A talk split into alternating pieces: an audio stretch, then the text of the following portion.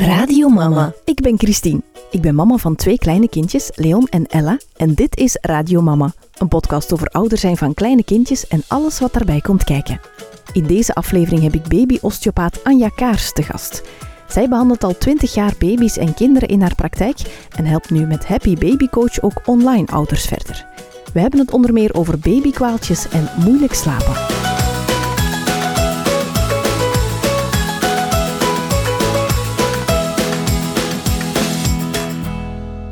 Anja, welkom in de podcast. Dag Christine. Jij bent uh, een uh, baby-osteopathe. Ja, dat klopt. Wat moet ik mij daarbij voorstellen? Ik weet het, want ik, heb er, ik ben er zelf naartoe geweest toen mijn kindjes klein waren. Maar toch, voor de luisteraar die het niet kent, wat is een baby-osteopathe? Ja, ik zal misschien eerst beginnen met uh, uit te leggen wat een osteopaat is. Hè. Ja, Als osteopaat uh, gaan we eigenlijk het lichaam um, in zijn geheel, eigenlijk de mens in zijn geheel bekijken. Mm -hmm. En uh, we gaan op zoek naar um, bewegingsverlies in het lichaam. Dus we gaan kijken met zachte manuele technieken waar er zich in het lichaam bewegingsverliezen voordoen of verstoringen van de vitaliteit. En uh, dat kan op een hele andere plaats liggen dan waar dat een klacht zich manifesteert of waar een symptoom zich voordoet. Um, in feite gaan we um, beginnen met een, een, voorgesprek. We gaan uh, aan de uh, mama dan van het kindje vragen van hoe is de geboorte geweest, hoe is de zwangerschap geweest. Um, hebben er zich moeilijkheden voor gedaan? Is er meegeduwd op de buik? Is er een zuiger gebruikt? Was er een epidurale verdoving? Dus we, we gaan een beetje uh, de geschiedenis van het kindje schetsen. Um, we gaan vragen stellen over het functioneren van het kind. Um, ja, hoe drinkt het? Uh, hoe ontlast het? Um, huilt het veel? Wanneer huilt het? Zodanig dat we een beetje het functioneren van dat kindje in kaart brengen. Mm -hmm. En zodanig dat we al die puzzelstukjes tezamen, tezamen met wat we voelen in het lichaam van het kind kunnen uh, samenleggen om dan te kijken hoe kunnen we dat kindje hier helpen. Ja. En met wat voor soort klachten komen mama's dan en, en papa's meestal toe dan? Uh, dat kan gaan van, uh, als we het dan over de hele kleintjes hebben, kan mm -hmm. dat gaan van huilgedrag. Hè. Mijn babytje huilt zoveel. Um, huilt ontroostbaar. Ik, uh, ik weet echt niet wat er is. Um, sommige mensen komen ook zeggen, ja, mijn baby heeft reflux. Hè, en dan is dat vaak iets dat ze gehoord hebben van ja, een baby kan vaak reflux hebben. En die een baby geeft dan een beetje terug en dan denken ze ja, dat is refluxziekte. Hè. Maar er is natuurlijk ook zoiets als een fysiologische reflux. Mm -hmm. uh, of krampjes, of uh, ja, gewoon onrustig gedrag. De kindjes die um, ja, niet echt helemaal tevreden, niet lekker in hun velletje zitten. Um, slaapmoeilijkheden komen ook heel vaak voor. Maar ook steeds meer mensen komen gewoon voor een check-up bij ons. Hè. Die ah, zeggen, ja, toch? Ja. Meestal is dat met een tweede kindje. Hè. Ze zijn ja, bij de ja. eerste geweest, ze hebben een, klacht gehad, die is verholpen. Ze zijn heel enthousiast. Ze hebben dan een beetje gehoord van, ja, wat doet hij eigenlijk? En ze weten dat het er is, een baby-osteopaat. Ze weten dat het er is. En dan zeggen ze, bij een tweede kom ik gewoon ineens... Op eh. Op voorhand. Preventief. Ja, ja, en dat is natuurlijk een heel goed idee. Ja? Ja. Ja, ja, een baby heeft natuurlijk uh, al een heel verhaal achter de rug. Hè. We denken dat is een onbeschreven blad, maar um, een geboorte, dat is niet niks. Hè. Dat is uh, vrij intens en dat is natuurlijk een hele mooie gebeurtenis, maar de krachtsinwerkingen van zo'n, gebeurte, van zo'n geboorte, die kunnen natuurlijk uh, soms wel wat heftig zijn geweest. En dan is het heel goed om te kijken um, ja, waar er zich in het lichaam kleine of grotere bewegingsverliezen hebben voorgedaan zodanig dat we het een beetje voor zijn dat er zich geen functionele klachten moeten ontwikkelen. Ja. ja, want we denken, als het zo gaat over geboorte, vooral aan de geboorte in functie van de mama. Hè? Hoe heeft de mama het be beleefd? Ja. Maar toch minder vaak, denk ik, nu tegenwoordig wel meer en meer, naar hoe dat de baby dat beleefd heeft. Hè? Ja, klopt. En uh, ja, dat is absoluut niet te onderschatten. Hè. Dat is sowieso een intense belevenis en dat is ook een van de redenen waarom dat babytjes in het begin zo, um, ja, toch nog wel veel huilen. Uh, heel dikwijls hoor je zeggen, ja, dat typische huiluurtje. En uh, dat is de prikkels van een dag die eruit moeten komen. En dat klopt. Maar heel vaak uh, komen bij die prikkels van een dag die eruit komen ook nog wel een beetje stukjes van zijn geboorteverhaal mee naar buiten. En dat kan soms heel intens zijn en dat kan heel overweldigend zijn. Ja. Uh, maar het is wel heel mooi om daar ook naar te luisteren. Want Ja. een baby heeft ook een stem die ook ja, iets wil vertellen. Ja. Meer en meer staan we er toch bij stil dat een kindje ehm, misschien niet bewust, eh, zeker niet bewust die geboorte herinnert, uh, maar ehm, eigenlijk elke cel van zijn lichaam herinnert zich wat er gebeurd is. En zeker als er ehm, ja, iets intens is gebeurd, als er een zuiger is gebruikt, als, er, uh, als het kindje de speeldraai niet goed heeft gemaakt, als het is blijven hangen met zijn schoudertje, klem is komen te zitten, dan zijn dat dingen die een kind zich eigenlijk um, ja, in zijn celgeheugen opslaat en um, nadien heel veel klachten kan geven. En uh, dat zijn vaak heel onduidelijke klachten. Dat zijn uh, Typische ja. babyklachten eigenlijk. Ja, waarvan ja. mensen zeggen, ja, dat is normaal, want het is een baby die huilt. Ja, maar eigenlijk geeft heel die zijn systeem uiting van iets dat zit opgeslagen in zijn lichaam. En als je dan goed kijkt naar een kind en dat toelaat om te laten gebeuren, dan zie je die soms echt hun speeldraai maken. Mm -hmm. um, en ja... Op de tafel? Op de tafel of ja, bij de mensen thuis ook. Hè. Ja. Eh, mensen die zeggen, oh, mijn, mijn kindje die, uh, die gaat helemaal in banaan liggen. Of die, um, als die een huilt, dan slaagt hij met zijn hoofdje naar achter. Of slaagt hij met zijn hoofdje naar links. Of die trekt met zijn schouder. En heel vaak is dat eigenlijk nog een, um, een nabootsing van dat geboorteproces. Dat je ziet gebeuren. Ja. ja. In, in een poging om dat te verwerken of zo dan? Uh, ja. Of te herstellen of zo? Ja, dat is inderdaad een poging om dat te herstellen. En um, het, niet altijd is het even eenvoudig om dat te doen. Uh, als er echt een blokkade zit, dan kan een osteopaat daar um, heel mooi in uh, ondersteunen. Hè, want soms is het gewoon niet zelf vrij te maken. Uh, als het over lichte bewegingsverliezen gaat, dan kan een kind eigenlijk in die eerste weken al heel veel zelf herstellen. Hij heeft een heel mooi zelfherstellend uh, vermogen, hè? elke mens trouwens. Uh, maar als bijvoorbeeld een kindje met zijn sleutelbeen is blijven hangen achter het schaambeen van de mama en um, daar heel, um, heel veel druk heeft op gekregen, de schouders is een, een heel breed gedeelte van de baby, dan kan, als je aan dat schoudertje komt, en we zijn daar dan bijvoorbeeld op aan het werken als osteopaat, dan voel je dat daar um, een lading zit. Dan voel je dat daar een enorme angst zit. Want dat kindje heeft op dat moment echt wel heel intens ervaren, ik raak er niet door. En die weeën die stoppen niet, dus dat kindje heeft krachten op zich uh, voelen terechtkomen. En heeft misschien heel veel pijn gehad op dat moment, kon niet roepen, dus er is een pure angst. En uh, als wij daarop aan het werken zijn, als osteopaten, dan voel je van oké, er zit heel veel spanning in dat bot, we zijn erop aan het werken. En dan voel je soms dat die schreeuw eraan komt, die van zo diep komt, van in de toppen van zijn tenen. Um, en dat is ook een moment dat ik aan de mensen uitleg van kijk, uh, ze staan dan dikwijls klaar met een tutje of met een rammeltje van kom, we moeten, we moeten zien dat die baby hier niet te hard schreeuwt, een beetje gegeneerd zelfs voor mij, van oei, hij is aan het wenen. En dan uh, geef ik heel dikwijls aan van, kijk, nu gaan we hem laten vertellen, want hij wil eigenlijk aan ons iets vertellen. En ja. als, soms voel ik van, ja, die mama wil hier niet dat dat kindje schreeuwt, of die, dat is te intens, of die zit zelf in tranen. Dan onderbreek ik de behandeling en ga ik zeggen van, kijk, het is gewoon heel belangrijk dat, dat we ook dat respect hebben voor het kind, dat dat zijn verhaal kwijt kan. Want... Um, als het echt, hè, stel dat je met je auto over kop bent gegaan, je hebt een accident gehad, uh, je zit helemaal in shock en uiteindelijk blijkt alles goed, je had een kind op de achterbank, maar ze hebben dat onderzocht, alles is in orde. En een maand later zit je bij een vriendin en, en die zegt, uh, zeg, wat heb ik gehoord, hè, met je auto over kop gegaan. En je begint dat te vertellen en, je begint eigenlijk helemaal terug te wenen, want je herinnert je dat. En, en die vriendin die zegt van, goh, ja... Uh, zeg, we zullen het over iets anders hebben. En, en die begint een verhaal te vertellen van, uh, een grappig verhaal van van de week. En ja, dan, dan gaat het gevoel hebben van, ik word hier onderbroken in mijn verhaal. En misschien trekt, slikte uw tranen wel in. Uh, je gaat niet verder met je verhaal. Maar dat die lading zit nog hè? altijd vast. Ja. Ja.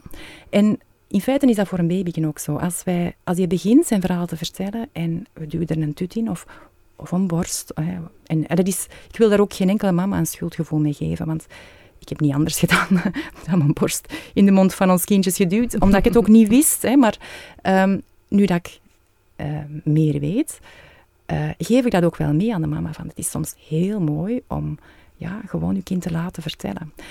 En dan voelde ook dat als die schreeuw van diep komt en je zegt gewoon van ja, kijk, vertel het maar liefje, hè. Ehm, laat het er maar uit. Ehm, het is oké en wij zijn hier en het is voorbij. Hè. Maar laat het maar zien waar dat je mee zit. Dat dat voor een kind zo bevrijdend kan zijn. Om gewoon even door te huilen. Om gewoon eens door te huilen. In de mama haar armen natuurlijk. In de mama haar armen. Ehm, of ja, als ik aan het werken ben op het kindje in mijn armen. En dat ik gewoon ook aan de mama zeg van kijk, kom er maar bij, hou het maar vast. Laat voelen van ehm, het is oké, we zijn er samen naartoe aan het gaan. En, ehm, en we zijn hier. We zijn heel de tijd bij u. En je moogt huilen. En als we daar door kunnen gaan, ja, dan is dat vaak op ene keer helemaal vrijgekomen. En dan zie je ook dat die reactie, hè, want dat sleutelbeentje, dat is dan ja, een botstuk dat we zo niet zo goed kennen, maar daarachter passeren zenuwen die naar de maag, naar de darmen, naar um, uh, de nervus vagus, die loopt erachter. Die voor de peristaltiek van uh, de spijsvertering zorgt, voor het vrijkomen van maagsappen, van darmsappen. En daar um, als dat bootje dan vrij is gekomen en die beweeglijkheid hersteld is, dan zie je dat ook die spijsvertering veel beter uh, gaat functioneren. En dat een kind eigenlijk helemaal verlost kan zijn. Terwijl als we gewoon mechanisch op dat boot werken, maar ondertussen dat kind aan het, aan het remmen zijn in zijn verhaal, dan kan het soms zijn dat we veel meer behandelingen nodig hebben. Ja moest lachen daar straks toen je dat vertelde. Van, uh, het kan zijn vaak dat een mama, in, in, uh, als ze bij mij zijn, dan alles proberen te doen om het kindje te doen stoppen. Ja. Ik heb echt de flashback dat ik ook zo gegeneerd was en dat die osteopaat van alles aan het vertellen was tegen mij. En ik kon dat niet horen, want hij was maar heel tijd aan het wenen en ik was zelf zo gespannen. Ja. Dus ja, die co-regulatie zat dan ook niet goed. Um, en ja, dat is, dat is inderdaad zo. Als je kindje huilt, ja, dat is heel moeilijk. Hè? Uh, ja. Dat triggert natuurlijk iets in onszelf. Ja. En er zijn natuurlijk momenten, kijk, als ik een uitleg ben aan het doen aan een mama en het kindje begint te huilen en ze geeft dat de borst, dan denk ik ook, ja, het is goed, want anders zouden inderdaad met een uitleg niet kunnen horen. Dus er zijn momenten dat je dat ook wel mocht uh, doen. En dat je, je kunt ook niet altijd luisteren als je op de tram zit en je kind begint uh, te brullen, uh, ja, dan mogen we zeggen van oké, okay, ik ga even zien dat we het hier stil kunnen krijgen. Ja, uh, en het hangt er ook, vanaf okay. waarom. Ze huilen natuurlijk, hè. soms huilen ze ook omdat ze honger hebben bijvoorbeeld. Tuurlijk, ja. ja, tuurlijk. Laat ons heel duidelijk zijn ja. dat je eerst altijd kijkt van wat wil mijn kind vertellen? Dat je heel goed kijkt, um, ja, is het honger? heeft mijn kind ergens pijn? Kan ik eens even nakijken? Um, ja, moet het zich misschien ontlasten, is dan drukken. Ja, heeft die beentjes eens en, en help je kindje daarbij. Maar ook als je pijn hebt, zelfs als je pijn hebt, kun je niet altijd de pijn wegnemen. En kun je wel zeggen, oh schatje, dat buikje doet zeer, brult maar eens een keer. Hè. Ja. Um, dat je niet direct begint te schudden en rond de tafel te lopen. En het nog erger maken eigenlijk. ja, ja. ja. En je kindje gaat overprikkelen. Hè. Ja. Ja. ja, want dat was denk ik toen wel ook, dat hij vaak overprikkeld was. Ja. En je denkt dan vaak zo, ja, wat, wat zijn krampen of, of het is reflux of het is iets anders. Terwijl het soms ook gewoon iets anders is, hè? Ja. De spanning is, hè? Tuurlijk, ja. Een kind heeft natuurlijk nog heel weinig impulsen gehad in de, in, in de buik, in de baarmoeder. Uh, zijn orken zaten vol vocht. Uh, hij was helemaal beschermd, zijn bewegingen waren geremd. En um, hij werd constant gevoed. Hij moest, moest nog niks verteren. En na de geboorte moet hij dat allemaal gaan leren. Daar is nog heel veel te leren. Um, al die geluiden komen op hem af. Al zijn bewegingen zijn niet meer geremd. Dus dat zijn gewoon heel veel prikkels. En uh, een kindje kan nog niet zo lang wakker zijn. Dus als die te lang wakker zijn door omstandigheden, dan zijn ze ook al overprikkeld. Dus ja, het kan heel snel uh, van moe naar overprikkeld gaan. En um, dat is inderdaad belangrijk om dat ook te zien en je kindje dan bij u te nemen en te zorgen dat het kan slapen. Ja. Je hebt uh, een hele goede wijzer daarvoor uh, ontwikkeld. De Happy uh, Baby Wijzer heet hij, als ik me ja, niet vergis. Ja, dat klopt. Happy Baby Wijzer heb ik eigenlijk een beetje gemaakt omdat ik ja, dagelijks in de praktijk mezelf hetzelfde hoorde zeggen. Ik hoor mama's die zeggen, oh, mijn kind heeft reflux en kijk, en, want het geeft terug enzovoort. Het is aan het huilen. En vaak uh, moet ik dan zeggen van ja, maar kijk, uw kindje heeft eigenlijk uh, eerder krampjes, hè, uh, want het is niet direct na de voeding aan het huilen. Het is zich heel erg naar voren aan het drukken, het is op zijn keel aan het drukken. Dus je geeft eigenlijk een beetje aan van kijk, zo kan je naar je kindje kijken. Um, en wat kun je doen? En um, ik merk dat mama's heel vaak op zoek zijn naar houvast om zelf naar hun kind te kijken. Want um, de vroedvrouw zegt mocht gewoon het ritme van je kindje volgen.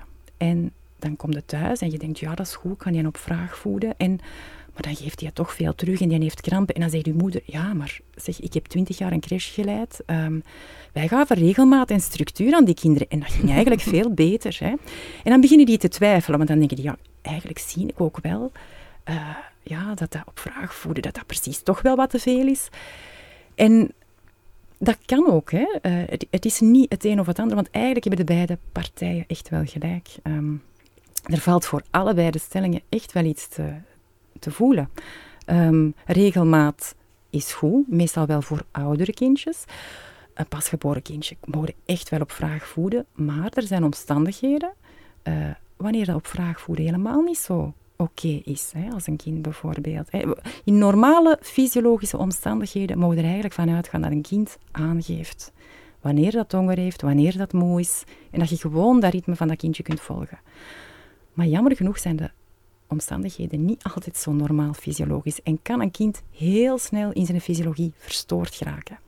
En dat kan één werveltje zijn dat niet helemaal oké zit en je hebt heel de boel die begint uh, anders te draaien. Een kind geraakt verstoord, geraakt uh, geprikkeld. Je krijgt andere signalen naar het zenuwstelsel. Um, bijvoorbeeld, een kind heeft een, nekblokkade en krijgt daardoor prikkels naar zijn hersenstam. En die hersenstam geraakt overgeëxciteerd. En wat zie je dan? Ja, de tonus, de spierspanning in um, al de spieren die door die hersenstam worden geïnnerveerd, die wordt hoger. Dus die kindjes gaan klemmen op hun kaakjes, die gaan heel gespannen nekspiertjes hebben. Um, die gaan ook veel gevoeliger worden, de sensibiliteit verhoogt. De reflexen gaan op scherp staan. Dus al die primaire reflexen die je bij zo'n babytje ziet, de mororeflexen, die schrikken heel snel. Uh, de tonische labyrinthreflex, die gaan op hun beentjes staan. Maar ook de zuigreflex gaat omhoog. Dat zijn primitieve reflexen. Maar probeer als mama maar eens een keer een verhoogde zuigreflex te onderscheiden van honger. Hè. Je kind wil zuigen, is aan het huilen. Je geeft de borst, ja. Als die zuigreflex overactief is, dan gaat dat kindje drinken. De pech is alleen, als je dat voor hebt, hè, dat, dat zo'n uh, hersenstam in overactiviteit, in overdrive, zullen we maar even zeggen, gaat, dan um, gaat ook het parasympathisch zenuwstelsel, het rustgevende en het spijsverteringsbevorderende zenuwstelsel, gaat minder actief zijn. Dus eigenlijk gaat die vertering achteruit. Je gaat minder spijsverteringssappen krijgen. Je gaat minder goede peristaltie krijgen. Dus dat wil zeggen, dat kind gaat meer zuigen, gaat meer willen drinken, maar verteert het niet meer. En dan krijg je een schuimende stoelgang en dan krijg je kindjes die teruggeven. Dus zo zie je dat op vraag voeden ook tricky kan zijn. En dat is wat ik in die babywijzer eigenlijk gewoon aan de ouders wil uitleggen. Mhm. Ehm, ik gebruik daarvoor een ritmekaart. Ik laat de mensen het ritme van een baby eens een keer noteren. Noteer de slaapjes, noteer de voedingen en kijk naar uw kindje. En um, misschien een leuke tip voor de mensen die luisteren, die nog een kleintje hebben. Ik heb een gratis videocursus waar dat je eigenlijk al de babysignalen kunt leren lezen. Dus hoe herken je aan de huiltjes van je kind of het huilt van honger, of het huilt van vermoeidheid, of het huilt van um, krampjes of reflux. En dat is natuurlijk niet 100% sluitend. Hè. Een kind is geen exacte wiskunde. maar um, het geeft dikwijls al wel een heel mooi beeld. Ja. En wat hou vast. En, ja. um, Kennis kan helpen, hè? Ja, echt wel. Uh, wij leven natuurlijk niet in een stammenmaatschappij waar dat alle generaties door elkaar leven. Wij zijn niet zo gewoon van met baby's uh, in aanraking te komen. Tenzij dat je heel veel zegt aan baby's zit. maar uh, ja, ik was daar niet gewoon in ieder geval. En ik, ik kende er niks van. Ik ook niet, echt. Ja. ja. Dus en ja, de babywijzer is eigenlijk een houvast. ja, voor jonge mama's, maar ook voor jong... Ik heb veel papa-fans, die zeggen van ja, die binding met ons kindje is er toch niet zo als bij een mama. Hè. We hebben niet negen maanden dat kindje in onze buik gevoeld. En door die babywijzer snappen we toch een klein beetje meer ons kindje. Ja. Uh, maar wordt ook voor, uh, door professionals, uh, artsen, um, vroedvrouwen, osteopaten gebruikt. Ja. om zo snel iets in op te zoeken. Ja. ja. Als je zo vertelt over dat voeden op vraag, um, komt bij mij ook direct de, de vraag op van... Um, ik denk dat ook heel vaak mama's de borst geven bij wijze van troost. Tuurlijk, ja. Uh, dat is ook heel troostend. En er komt ook oxytocine vrij, zowel bij de mama als bij het kindje.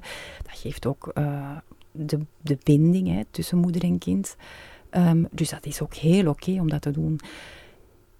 Het mag alleen niet omslaan naar een constant um, willen huilen onderdrukken, bijvoorbeeld. Hè, als een kind het moeilijk heeft en je gaat elke keer de borst geven als antwoord, dan kan het wel een, ja, een valkuil zijn. Ja, waar dat ik met twee voeten in ben getrapt. Ik bedoel, dat is ook weer geen enkel verwijt naar geen enkele mama. Hè.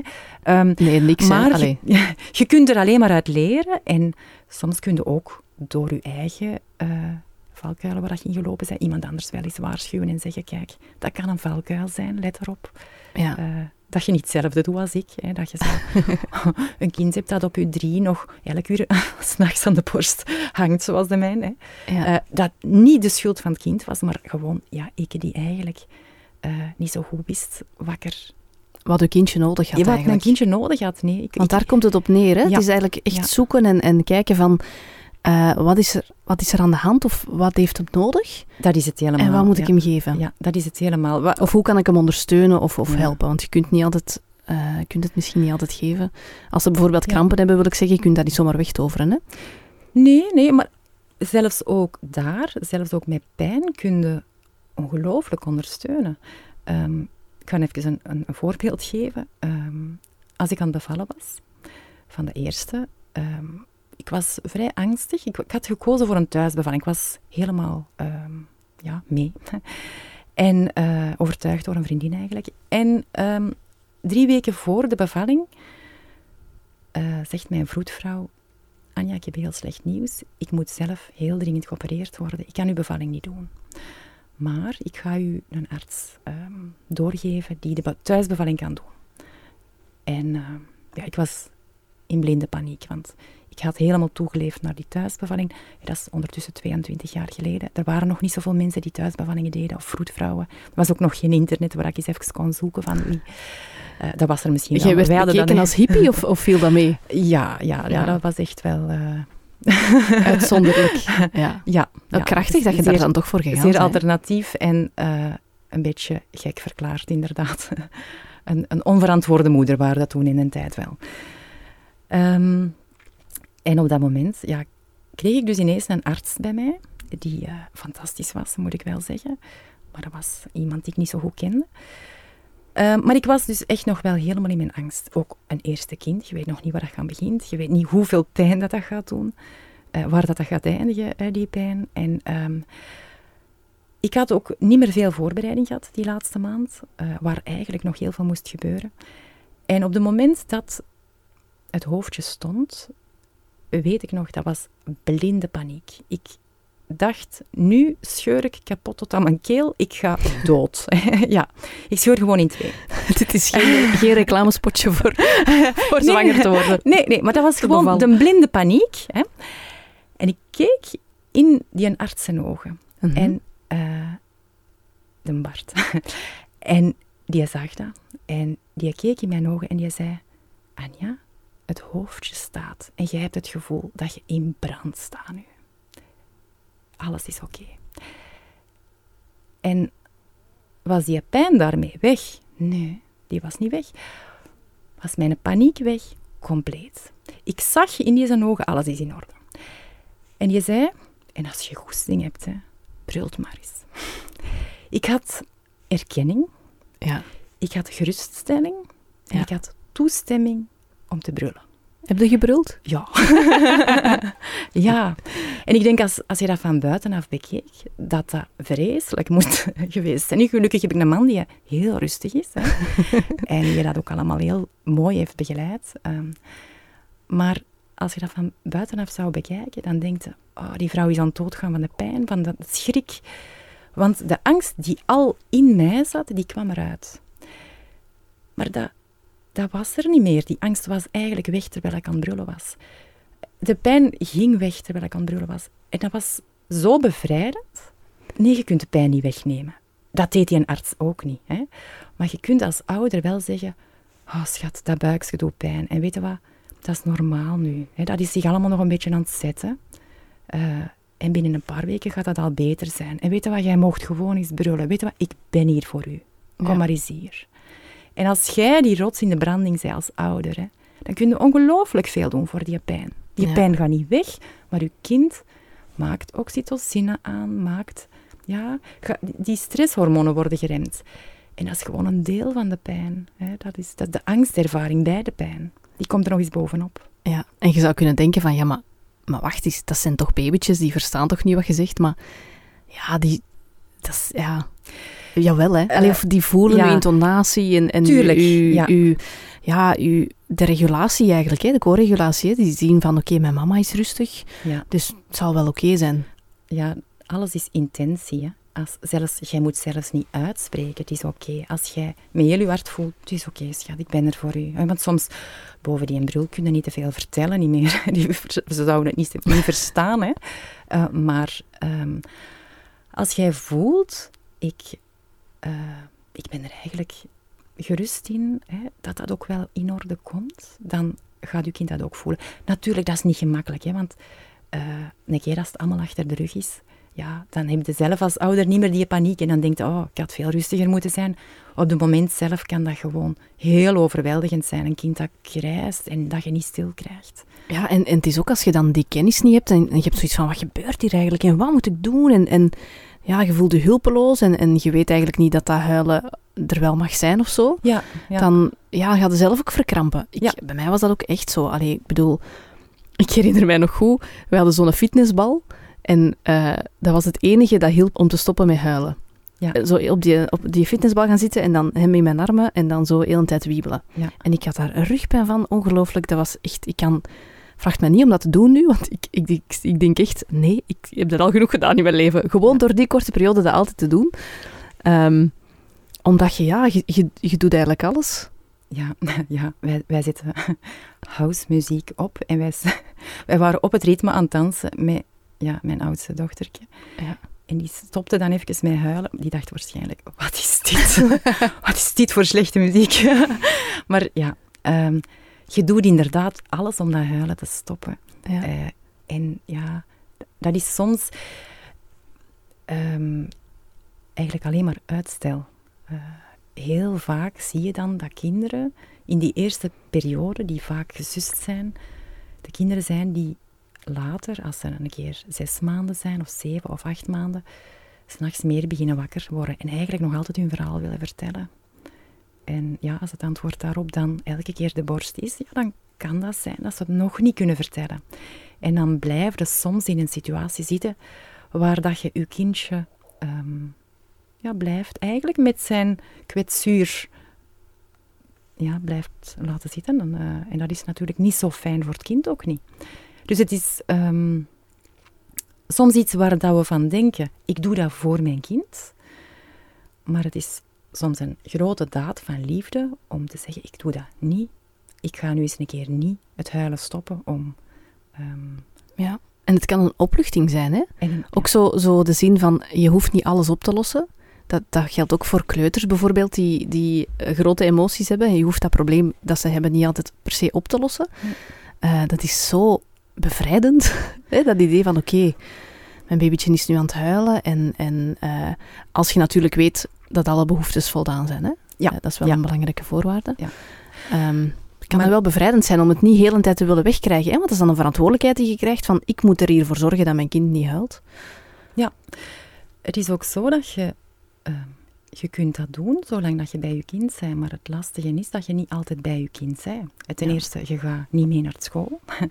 Ehm, en een kindje dat, waar dat je altijd in de verdediging gaat of in de behoefte gaat om ja, je kind zijn huilen te stoppen of om het, om het op te lossen, om alles op te lossen voor je kind, gaat ja, een beetje verstoord worden in zijn autonomie en in zijn ehm, voor zichzelf kunnen zorgen. Ehm, ik noem dat vaak het monster in de kelder. Hè. Je hebt eh, kindjes die een verhaal hebben dat ze nog willen vertellen. En dat is bijvoorbeeld een, een, een moeilijke geboorte geweest. En een kind met een moeilijke geboorte herinnert zich dat uiteraard niet. Dat zit in het onderbewuste, vandaar de kelder. Er zit iets, ze weten niet wat.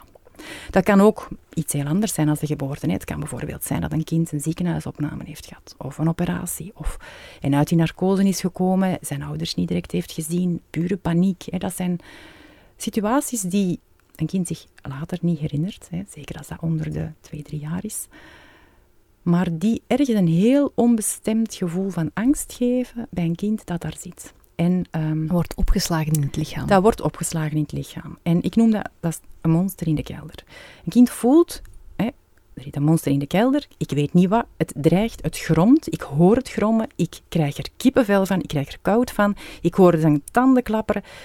Dat is een dreiging die er zit. En als je als ouder zegt van, ja, maar ik bescherm u, dan ga je eigenlijk, hè, kom maar bij mij in bed liggen.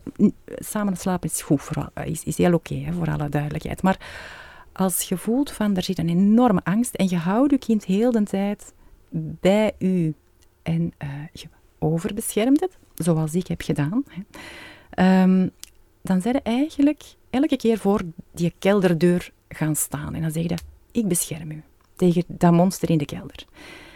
En het moeilijke is, je kunt daar niet voor blijven staan. Want er komt een moment dat het kind zegt, ja, nu ben ik eigenlijk een beetje te oud voor bij mijn mama te liggen. En, of in de puberteit komt en hè, ze zeggen, geen enkele puber wil nog bij zijn ouders slapen.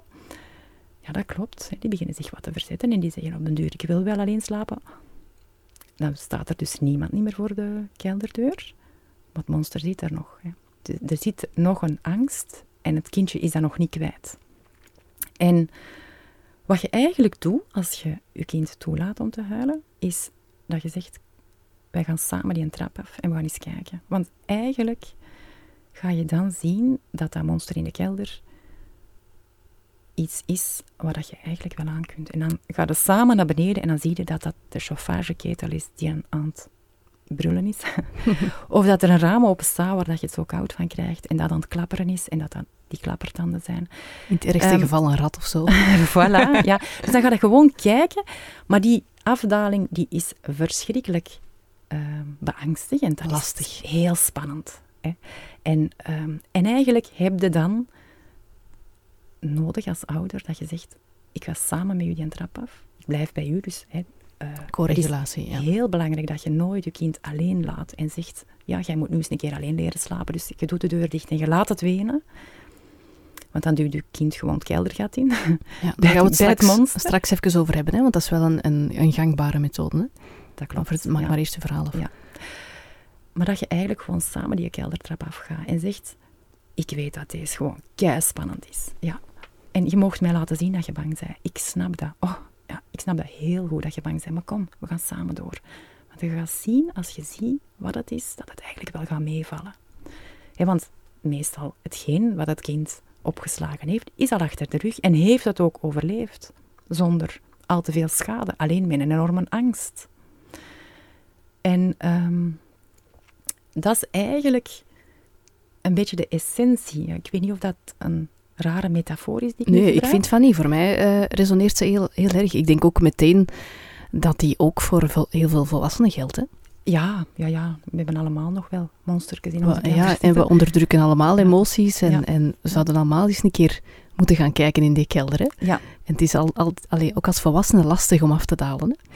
Dat is zo, ja, dat is zo. En meestal is het ook goed dat je iemand bij je hebt om af te dalen. Dikwijls kunnen dat niet alleen en dat is... Um, uh, dat is waarom dat je vaak hulp kunt gebruiken bij sommige processen. En dat is ook helemaal geen schande aan. En daarom zeker kinderen ook, hè? want zij ja. zijn nog zo onrijp. Ja. Ze kunnen dat nog niet alleen. Hè? Ja, en soms ook de, de mama of de papa. Um, ik, uh, ik werk in de praktijk heel vaak met de ouders, omdat het heel vaak, als we het dan bijvoorbeeld over een traumatische geboorte hebben, heel vaak het monster in de kelder van de mama is, die, die het hele proces nog tegenhoudt. Hè. Ook weer zonder een schuldgevoel te geven. Maar en komt dat dan omdat, omdat de co-regulatie dan ook minder goed is? Omdat de mama zelf niet goed gereguleerd is en daarom ook het kindje ook? Of hoe mm, dat kan bijvoorbeeld zijn dat de, dat de bevalling bijvoorbeeld heel traumatisch was. En dat de mama nog met ongelooflijke woede zit naar wat er gebeurd is. Mm -hmm. Het trauma dat daar is aangedaan. Kwaad op die gynaecoloog die naar heeft laten wachten.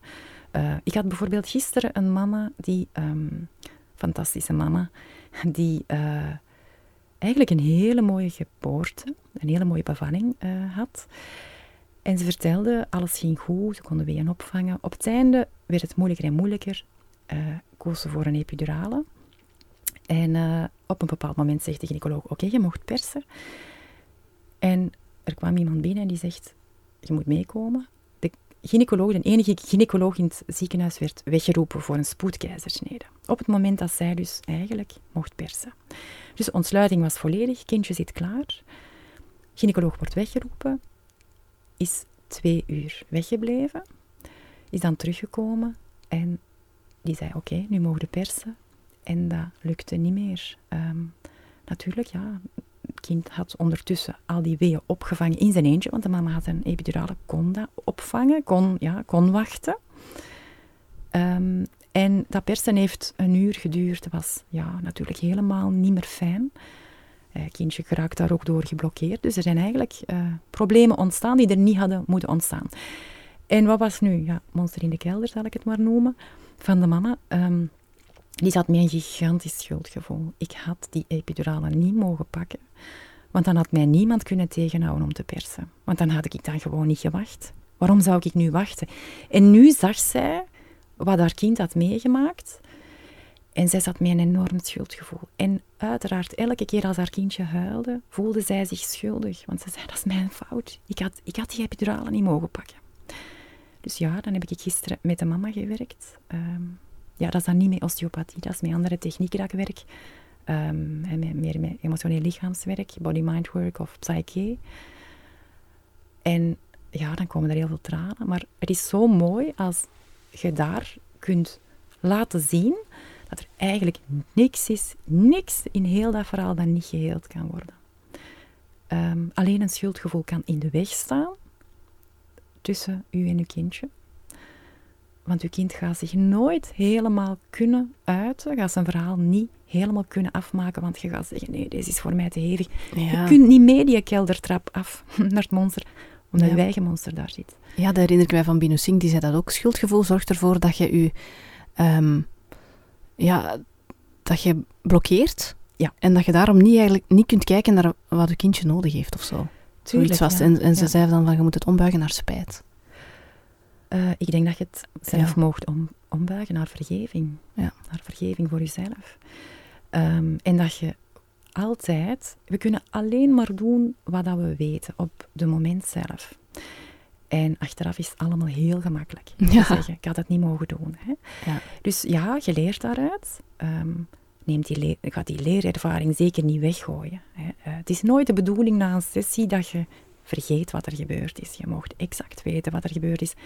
Neem die leerervaring eruit en het schuldgevoel laat dat los. Hè. Vergeef jezelf. En daar gaat uw kind een ongelooflijke dienst mee bewijzen. Um, ja. je, kunt, je kunt dat schuldgevoel tot je tachtig meedragen. Hè. Mm En dan leerde uw kind ook, je moet altijd hard zijn voor jezelf. Dan leefde dat ook voor. En als uw kind dan ooit een schuldgevoel heeft, dan gaat je zelfs niet kunnen helpen om je kind daarvan af te helpen. Dan kunnen ze zeggen, maar daar moet je niet schuldig voor voelen. Ja, denk je dan. maar doet het dan anders voor, want ik weet niet hoe ik het moet doen. Ja, je zal dat misschien niet bewust zo denken, maar inderdaad, nee, zo heeft hij het geleerd. Hè? Zo heeft hij het geleerd, ja. ja. ja. Jouw meest recente cursus um, gaat over slapen, hè? Ja. ja die heet uh, Liefdevol Zelfstandig Slapen. Ja, dat klopt. Ja. lang gezocht over een titel, want eigenlijk wilde die een titel veel langer maken, maar dat... dat is niet zo commercieel. Nee, dat is niet, nee, dat is niet handig. Nee, nee. En hoe, hoe bent je dan uiteindelijk tot bij die titel gekomen? Um, voor mij was het belangrijk om te zeggen um, dat het liefdevol gebeurt. Ik heb niet zo graag dat ouders voor een cried-out methode kiezen of controlled crying. En dat wil zeggen dat je je kind alleen laat en dat je um, je kind dat je de deur dicht doet en gewoon even laat brullen en dan mhm. nog eens een keer gaat kijken, want dat begrijpt een kind niet. En het is een heel mm, vaak voorkomende uh, aangeraden methode wel, hè? Ja, dat klopt. Slaaptraining. ja, dat klopt. En um, het lastige is dat ze ook vaak wel werkt. Uh, allee, dat, is, dat is lastig, dat, dat, is, dat is goed voor de mensen, maar... um, niet voor de baby? Nee, voor de baby niet. Um, ik zeg dan meestal, als mensen zeggen, maar dat werkt toch? Uh, ja. Uh, een zak chips geven aan een jengelend kind op de achterbank van uw auto. Dat werkt ook. Hè. Ehm, die zal ook stoppen met jengelen als je die zak chips geeft of als je snoep geeft. Maar het is niet het beste voor het kind. Het is niet omdat het werkt dat het goed is. Um, en wat is, er, wat is er dan precies niet goed aan het laten huilen? Als een kind alleen gelaten wordt, mhm. ehm, gaat het helemaal alleen beginnen wenen, gaat het uh, zich alleen voelen, het gaat zich niet erkend voelen. Het vraagt zich af waar dat zijn ouders zijn. Het kan dat ook niet vragen. Het kan ook niet rechtkomen.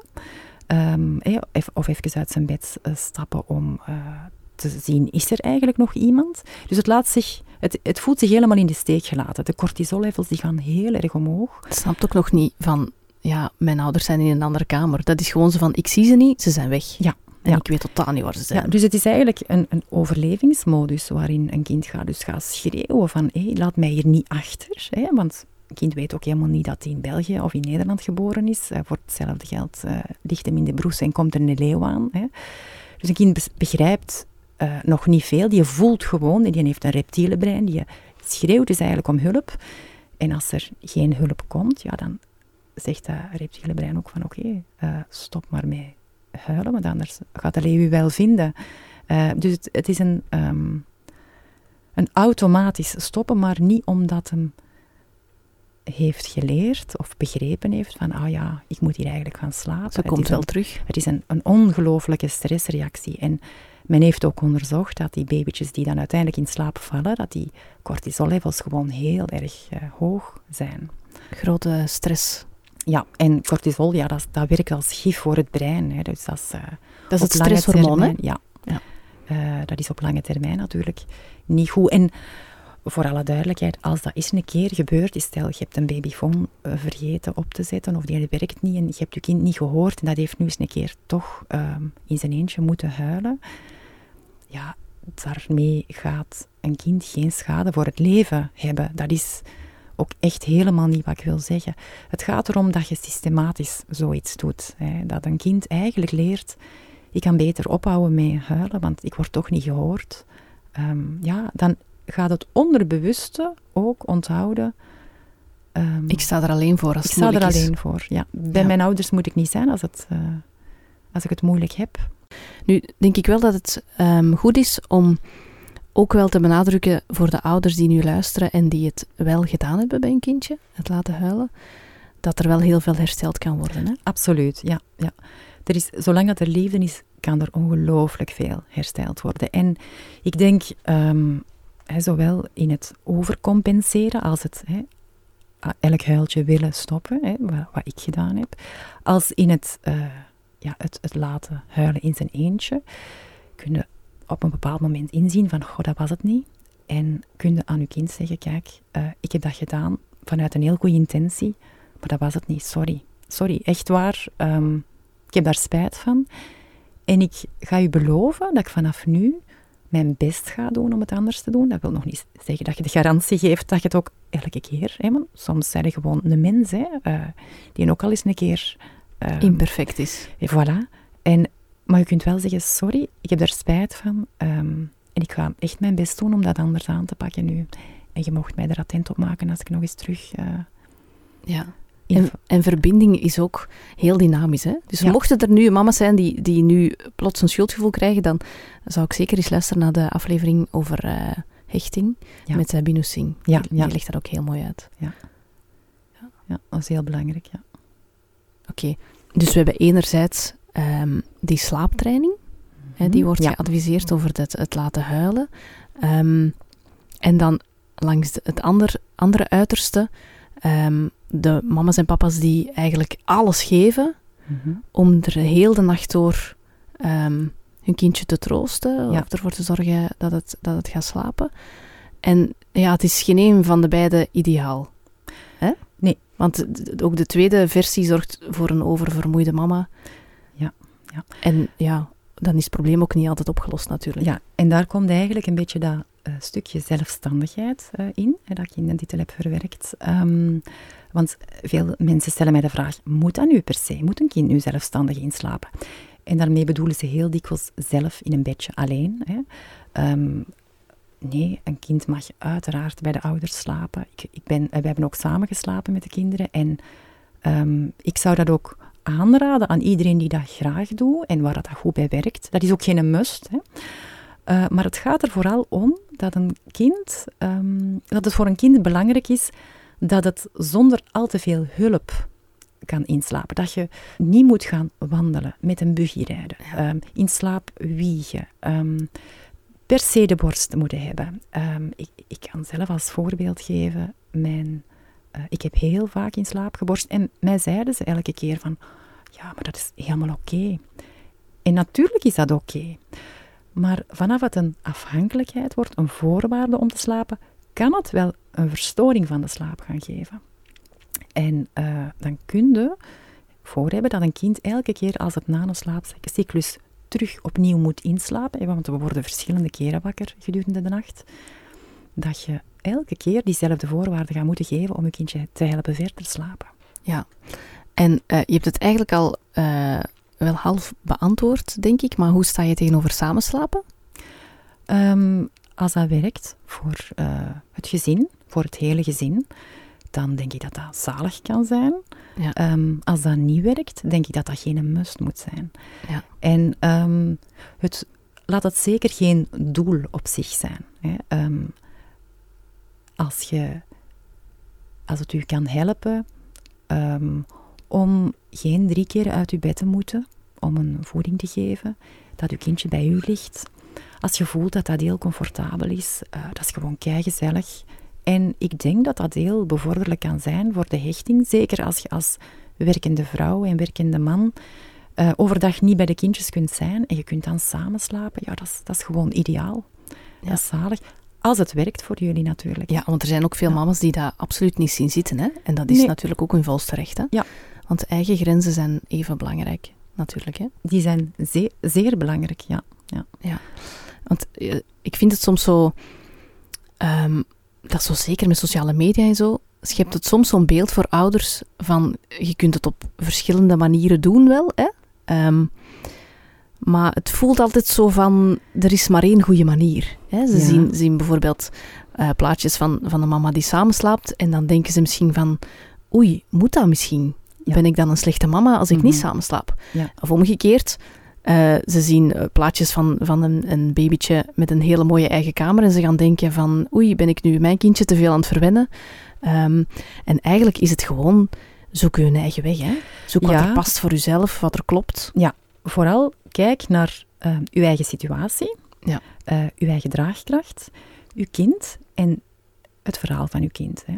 En met de situatie wil ik ook zeggen, als je bijvoorbeeld weet van ik moet, uh, als mijn kindje vier maanden is, terug gaan werken, ja, dan kan het wel handig zijn dat, dat je het ook leert in een bedje slapen. Want als, als je dan wacht tot bij de onthaalmoeder en die moet dat kindje dan in zijn eentje in zijn bed leggen en daar moet het dan in zijn eentje uh, schreeuwen, dan is dat natuurlijk wel heel vreed. Hè? Um, ja. Dus kijk naar de situatie en uh, zoek daar een weg in. Ik zei er juist, wij hebben altijd samen geslapen.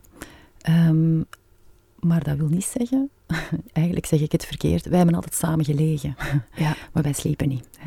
Dus voor ons werkte dat niet zo goed. Nu, ik wist eigenlijk niet hoe ik uh, ja, het monster uit de kelder moest halen. Ja. um, en uh, dus ik heb heel veel gesust, maar wij sliepen niet. Er werd heel veel gehuild en de kinderen hielden elkaar wakker. En ik weet nog heel goed dat um, eigenlijk wisten wij op voorhand van oh, wij willen samen slapen, ik wil lang borstvoeding geven. Uh, wij willen thuis bevallen, wij willen de kinderen gewoon natuurlijk opvoeden. En in die tijd was dat nog heel onbekend. Ik had een boek gelezen, um, Op zoek naar het verloren geluk, van Jean Lietloff. Prachtig boek. Ik was daar helemaal weg van. En ik, ik wist gewoon, ik voelde met elke vezel van mijn lijf, dit wil ik. En ja, toen um, kwam ons eerste dochtertje er en die huilde enorm veel. En dat heeft lang geduurd. En zelfs als de tweede er kwam, was dat nog niet opgelost. En als bij toeval was er bij ons in de buurt een oudergroep uh, die natuurlijk opvoeden en uh, ja, natuurlijk ouderschap eigenlijk heel hoog um, in het, hoe zeggen ze dat? In het vaandel dragen. In het vaandel ja. dragen. En um, wij kwamen ermee samen. En in het begin dacht ik, oh yes. Want in onze dagelijkse maatschappij voelde ik me heel erg beoordeeld. Want dan vroegen ze, en slaapt ze al door, slaapt ze al door? En ja, dat, dat was natuurlijk helemaal niet. En dan zei ze, ja, maar wat wilde? Je pakt ze in bed. Ja, je hebt zoveel te veel verwind in de borst enzovoort. En dus waar eindigt dat? Waar, eindigt dat? Ja, ja. je geeft ze nog geen kick. En, uh, ze geven nog geen kick en, en, en je staat er al. Dus ik voelde mij heel erg um, niet gehoord alleen. en heel erg alleen. En ik kwam in die groep en ik denk, oh ja, hier begrijpen ze mij. Nu, het lastige was, wij deden dan ook altijd zo'n kringgesprekken en ik hoorde daar iedereen maar met superlatieven van, ja, wij slapen samen in ons familiebed en zalig. En, oh, en dan s morgens nog knuffelen en echt, en als je die gezichtjes ziet en dat handje op je. En, en ik dacht, ik durf gewoon mijn mond niet open doen, want bij ons was dat krijsen, schreeuwen. En wij, op den duur, dan waren wij... Ja, mijn man die lag in een bed een kind en ik ergens aan de andere kant van het huis in een kamer een kind, omdat die elkaar wakker hielden. En dan, um, oh, ja, midden in de nacht wisselden wij eens een keer van, van kind, omdat dan dat kind de andere... Allee, dat, was, dat was gewoon doffe ellende, ons nachten. Dus ik durfde op den duur daar bijna niet meer zeggen. En als ik dan zei, ja, ze slapen toch echt nog wel heel moeilijk, dan zei ze, ja, maar dat is toch normaal? Die hebben mama honger en die, die willen gewoon nog heel dikwijls drinken. En uh, wat hadden nu verwacht? Dus ik voelde mij daar op de deur ook wel heel alleen. En het is daar eigenlijk dat mijn grote drang naar... Ehm, ik moet op zoek gaan naar antwoorden uh, vandaan is gekomen. En dat ik in de praktijk ook heel erg heb gemerkt dat ik totaal niet alleen daarin ben. Dat ik heel veel mama's heb die zeggen: Het gaat gewoon niet. Het, het, het samenslapen lukt niet. Er is nog iets anders. En dan kan dat iets fysiek zijn. Dat kan een kind zijn dat nog heel erg in zijn reflexen is blijven hangen. Um, dat heel onrustig slaapt. Ja, dan slaapt hij gewoon niet goed samen. Dat gaat niet. Um, dat kan dan uh, fysieke problemen. Dat kan zijn dat er natuurlijk nog reflux of nog oorontsteking of tanden. Of, er kunnen heel veel uh, moeilijkheden, onderliggende dingen zijn. Um, maar er is vaak wel iets dat nog opgelost moet worden, waardoor dat, dat slapen niet goed gaat. En daar ben ik eigenlijk heel hard naar Los van of dat je nog samenslaapt of Los van of dat je nog ja. samenslaapt, want je kunt daaraan werken en blijven samenslapen. Uiteraard, ja. Maar zolang je niet kijkt naar waar of, of wat is het monster in de kelder, of hoe kunnen we dat facen, dan is het of je nu samenslaapt of niet, kan het zijn dat die slaapproblemen blijven. Dat is inderdaad zo. Ja. Oké, en met jouw cursus um, Liefdevol Zelfstandig Slapen, help jij dan um, om dat monster in de kelder te facen. Mag ik het zo eh, begrijpen? Ja, het kunnen natuurlijk ook andere dingen zijn. Hè, want het kan natuurlijk ook gewoon zijn dat het ritme van uw kindje niet helemaal uh, goed zit. Als, als uw kind een gat in een dag slaapt, dan zal het s'nachts ook niet slapen. Um, dus ik, ik, ga eigenlijk... Um, het is een videocursus waar dat je um, in tien modules... Elke module gaat over iets anders. En ouders kunnen daaruit pikken van oké, dit is voor ons niet van toepassing. Als je een driejarige hebt die s'nachts geen voedingen niet meer heeft, dan moet je echt niet de module gaan leren, uh, lezen of volgen. Um, hoe moet ik voedingen, nachtvoedingen afbouwen als ik dat wil? In de praktijk heb ik al zoveel jaren dat ik mama's krijg die zeggen, ik kan niet meer, maar ik wil echt mijn kind niet laten huilen. En ik heb dan meestal een uur dat ik ja, in een vraaggesprek kijk van oké, wat is er aan de hand? want er kunnen verschillende dingen aan de hand zijn.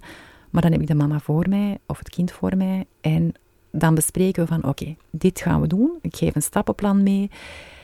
En dan voel ik wanneer dat de mama de klik maakt. Hè, dat, dat, dat ik zeg, ze begrijpt het. Want dat is heel belangrijk. Dat ze begrijpt wat ze doet. Dat ze niet gewoon klakkeloos mijn stapjes gaat volgen. Want dat is niet wat ik vraag. Hè. Um, ik wil heel goed dat dat resoneert met uw gevoel, dat je niks doet dat tegen uw gevoel uh, ingaat.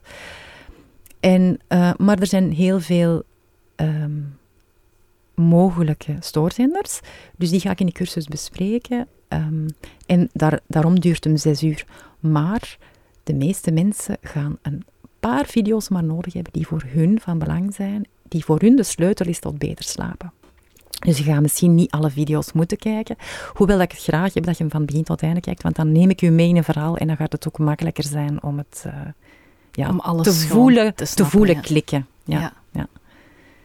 En ja, het is heel leuk, want ik heb hem nu een paar weken geleden gelanceerd. En, uh, het was een succes, hè? Ja, het was een heel groot succes. En ik, ik was een beetje bang van, goh, ja, gaat dat overkomen op video? Want ik zie de mama's niet voor mij. Hè. Ik beeld mij die wel in. maar um, ja, er zit evengoed een mama van een viermaanderke naar, naar de video te kijken als een mama van een vierjarig kindje. Um, dus ik dacht, gaat dat overkomen? En uh, dat was zo straf. Ja, maandag was die gelanceerd. Woensdag kreeg ik al berichtjes van, ik heb dat gedaan en dat gedaan en kijk, dit is het resultaat. En ik voel mij zo anders en ik heb het gevoel dat ik nu terug meer vertrouwen heb uh, in wat ik doe. En dat is eigenlijk ja, voor mij het, het leukste om te het horen. empoweren. Ja, ja. ja, want het is wel zo een, een, een onderwerp dat veel nuance nodig heeft. Hè? Want je ja. bent bezig over slaapproblemen. Um, en, en ja, je hebt dan die slaaptraining. De borstvoeding komt er ook vaak ja, bij. En dat ja. zijn allemaal zowel delicate onderwerpen. Hè? Dat maar zijn je, heel delicate onderwerpen. Je brengt dat heel goed, vind ik. Allee, er is heel veel nuance en... en het is ook niet zwart-wit. Het is nooit zwart-wit. Een nooit, kind is, is een, nee. een, ja, een, een, een uit de, de biljarden of ja, nog ja. veel meer. En het is geen exacte wiskunde. Ik kan ook helemaal geen garantie geven dat je kind gaat doorslapen. uh, het belangrijkste vind ik dat je als ouder um, geruststelling hebt. Want ik heb ook al mama's die zeiden van, oh ja, toch nog, hè, toch nog twee keer wakker s'nachts. Um, maar ik voel mij zoveel beter. Nu dat ik weet wat ik kan doen, uh, als mijn kind wakker wordt. Um, ik voel me helemaal anders als mijn kind huilt. En daardoor zie ik al dat er een rust is gekomen. Of ik voel veel meer connectie met mijn kind. Ja, dat mooi. kijk terug in mijn ogen en dat, zegt, dat, dat zie dat ik hem of haar begrijp. En dat zijn de dingen waar ik van denk, ja, dat is, dat is echt dat is belangrijk. Ja. Dat wil ik. Want ja. dat, dat doorslapen zou eigenlijk niet echt een, een doel mogen zijn. Hè? Want het, het is, niet doorslapen ja. is eigenlijk voor, kleine, voor jonge baby's nog niet echt normaal. Hè? Ja. Nee, absoluut niet. Nee. Um, het doorslapen is geen doel op zich.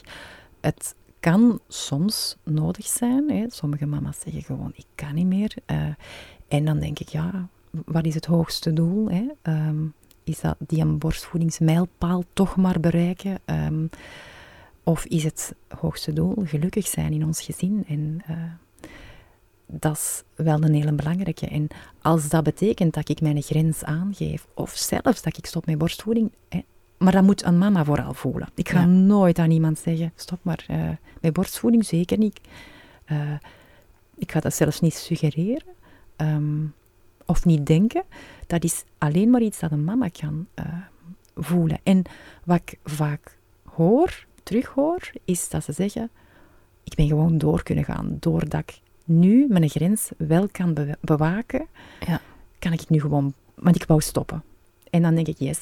Dat, Zo dat op, dat ze denken ja. aan stoppen en dan ja. uiteindelijk toch op een of andere manier verlichting vinden en toch nog doorgaan. Ja, ja. ja dat is natuurlijk heel mooi. Ja, absoluut. ja. Waar kunnen mensen jou vinden? Um, op Facebook kunnen ze mij bij um, Happy Baby Coach vinden. Mm -hmm. En op Instagram ook Happy Baby Coach. Ja, en dus jij biedt twee online cursussen aan. En jij geeft ook um, consultaties. Ja, die staan wel vrij druk bezet. maar ik heb hele goede collega's in de praktijk. Die, drie kinderosteopaten die ook volgens mijn principes werken. Ja, en als er mensen, uh, ook bijvoorbeeld uit een andere regio, graag met een babytje naar een, uh, een kinderosteopaat zouden gaan, waar moeten ze op letten of waar moeten ze zoeken? Ja, ik heb uh, collega's over heel België en Nederland. Um, als je de website van iemand bezoekt, ga je al heel veel de indruk krijgen of dat iemand met kinderen werkt. Want um, in principe mag elke osteopaat kinderen behandelen. Um, wij hebben in de basisopleiding, hè, uh, vijf jaar osteopathie, hebben we een basis gekregen van kinderen. Maar in principe is dat niet genoeg. Um, ik weet voor mezelf dat ik echt niks van kinderen afwist na de basisopleiding. En um, vandaar is er een specialisatie van uh, twee jaar, een, een, hele degelijke opleiding. Uh, ik geef zelf les aan de opleiding in Nederland, Pantarai Osteopathie. En er zijn heel veel uh, osteopaten die daar uh, de opleiding hebben gevolgd. Ook um, in België is er ook een opleiding. Um, ik weet dat um, stillkids.nl een website is waar dat je uh, osteopaten vindt, die een lijst van osteopaten over heel België en Nederland, die hun opleiding bij Pantara hebben volbracht en die ook een examen voor een jury hebben gedaan. Ehm, met succes, en anders komen ze niet op die lijst.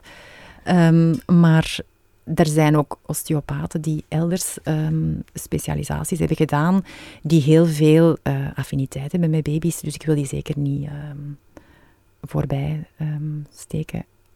Er zijn, ik, ik denk dat je zelf, als je gaat kijken op de website van een osteopaat en uh, er is contact mee opneemt, al heel veel het gevoel hebt van kent hij iets van kinderen of uh, niet. Maar de meesten hebben een specialisatie gedaan van twee jaar. Dat is echt wel een opleiding op zich, waar dat je alle aspecten van het kind, neurologie, fysiologie, embryologie, um, helemaal tot in een detail uh, bekijkt. Yes. Oké, okay, super. Dan uh, rest er mij nog u een heel uitgebreid dankjewel te zeggen. dat is heel graag een gedaan. kort uitgebreid, dat klopt eigenlijk niet. Zwat, gewoon dankjewel. Ja, dat is heel graag gedaan.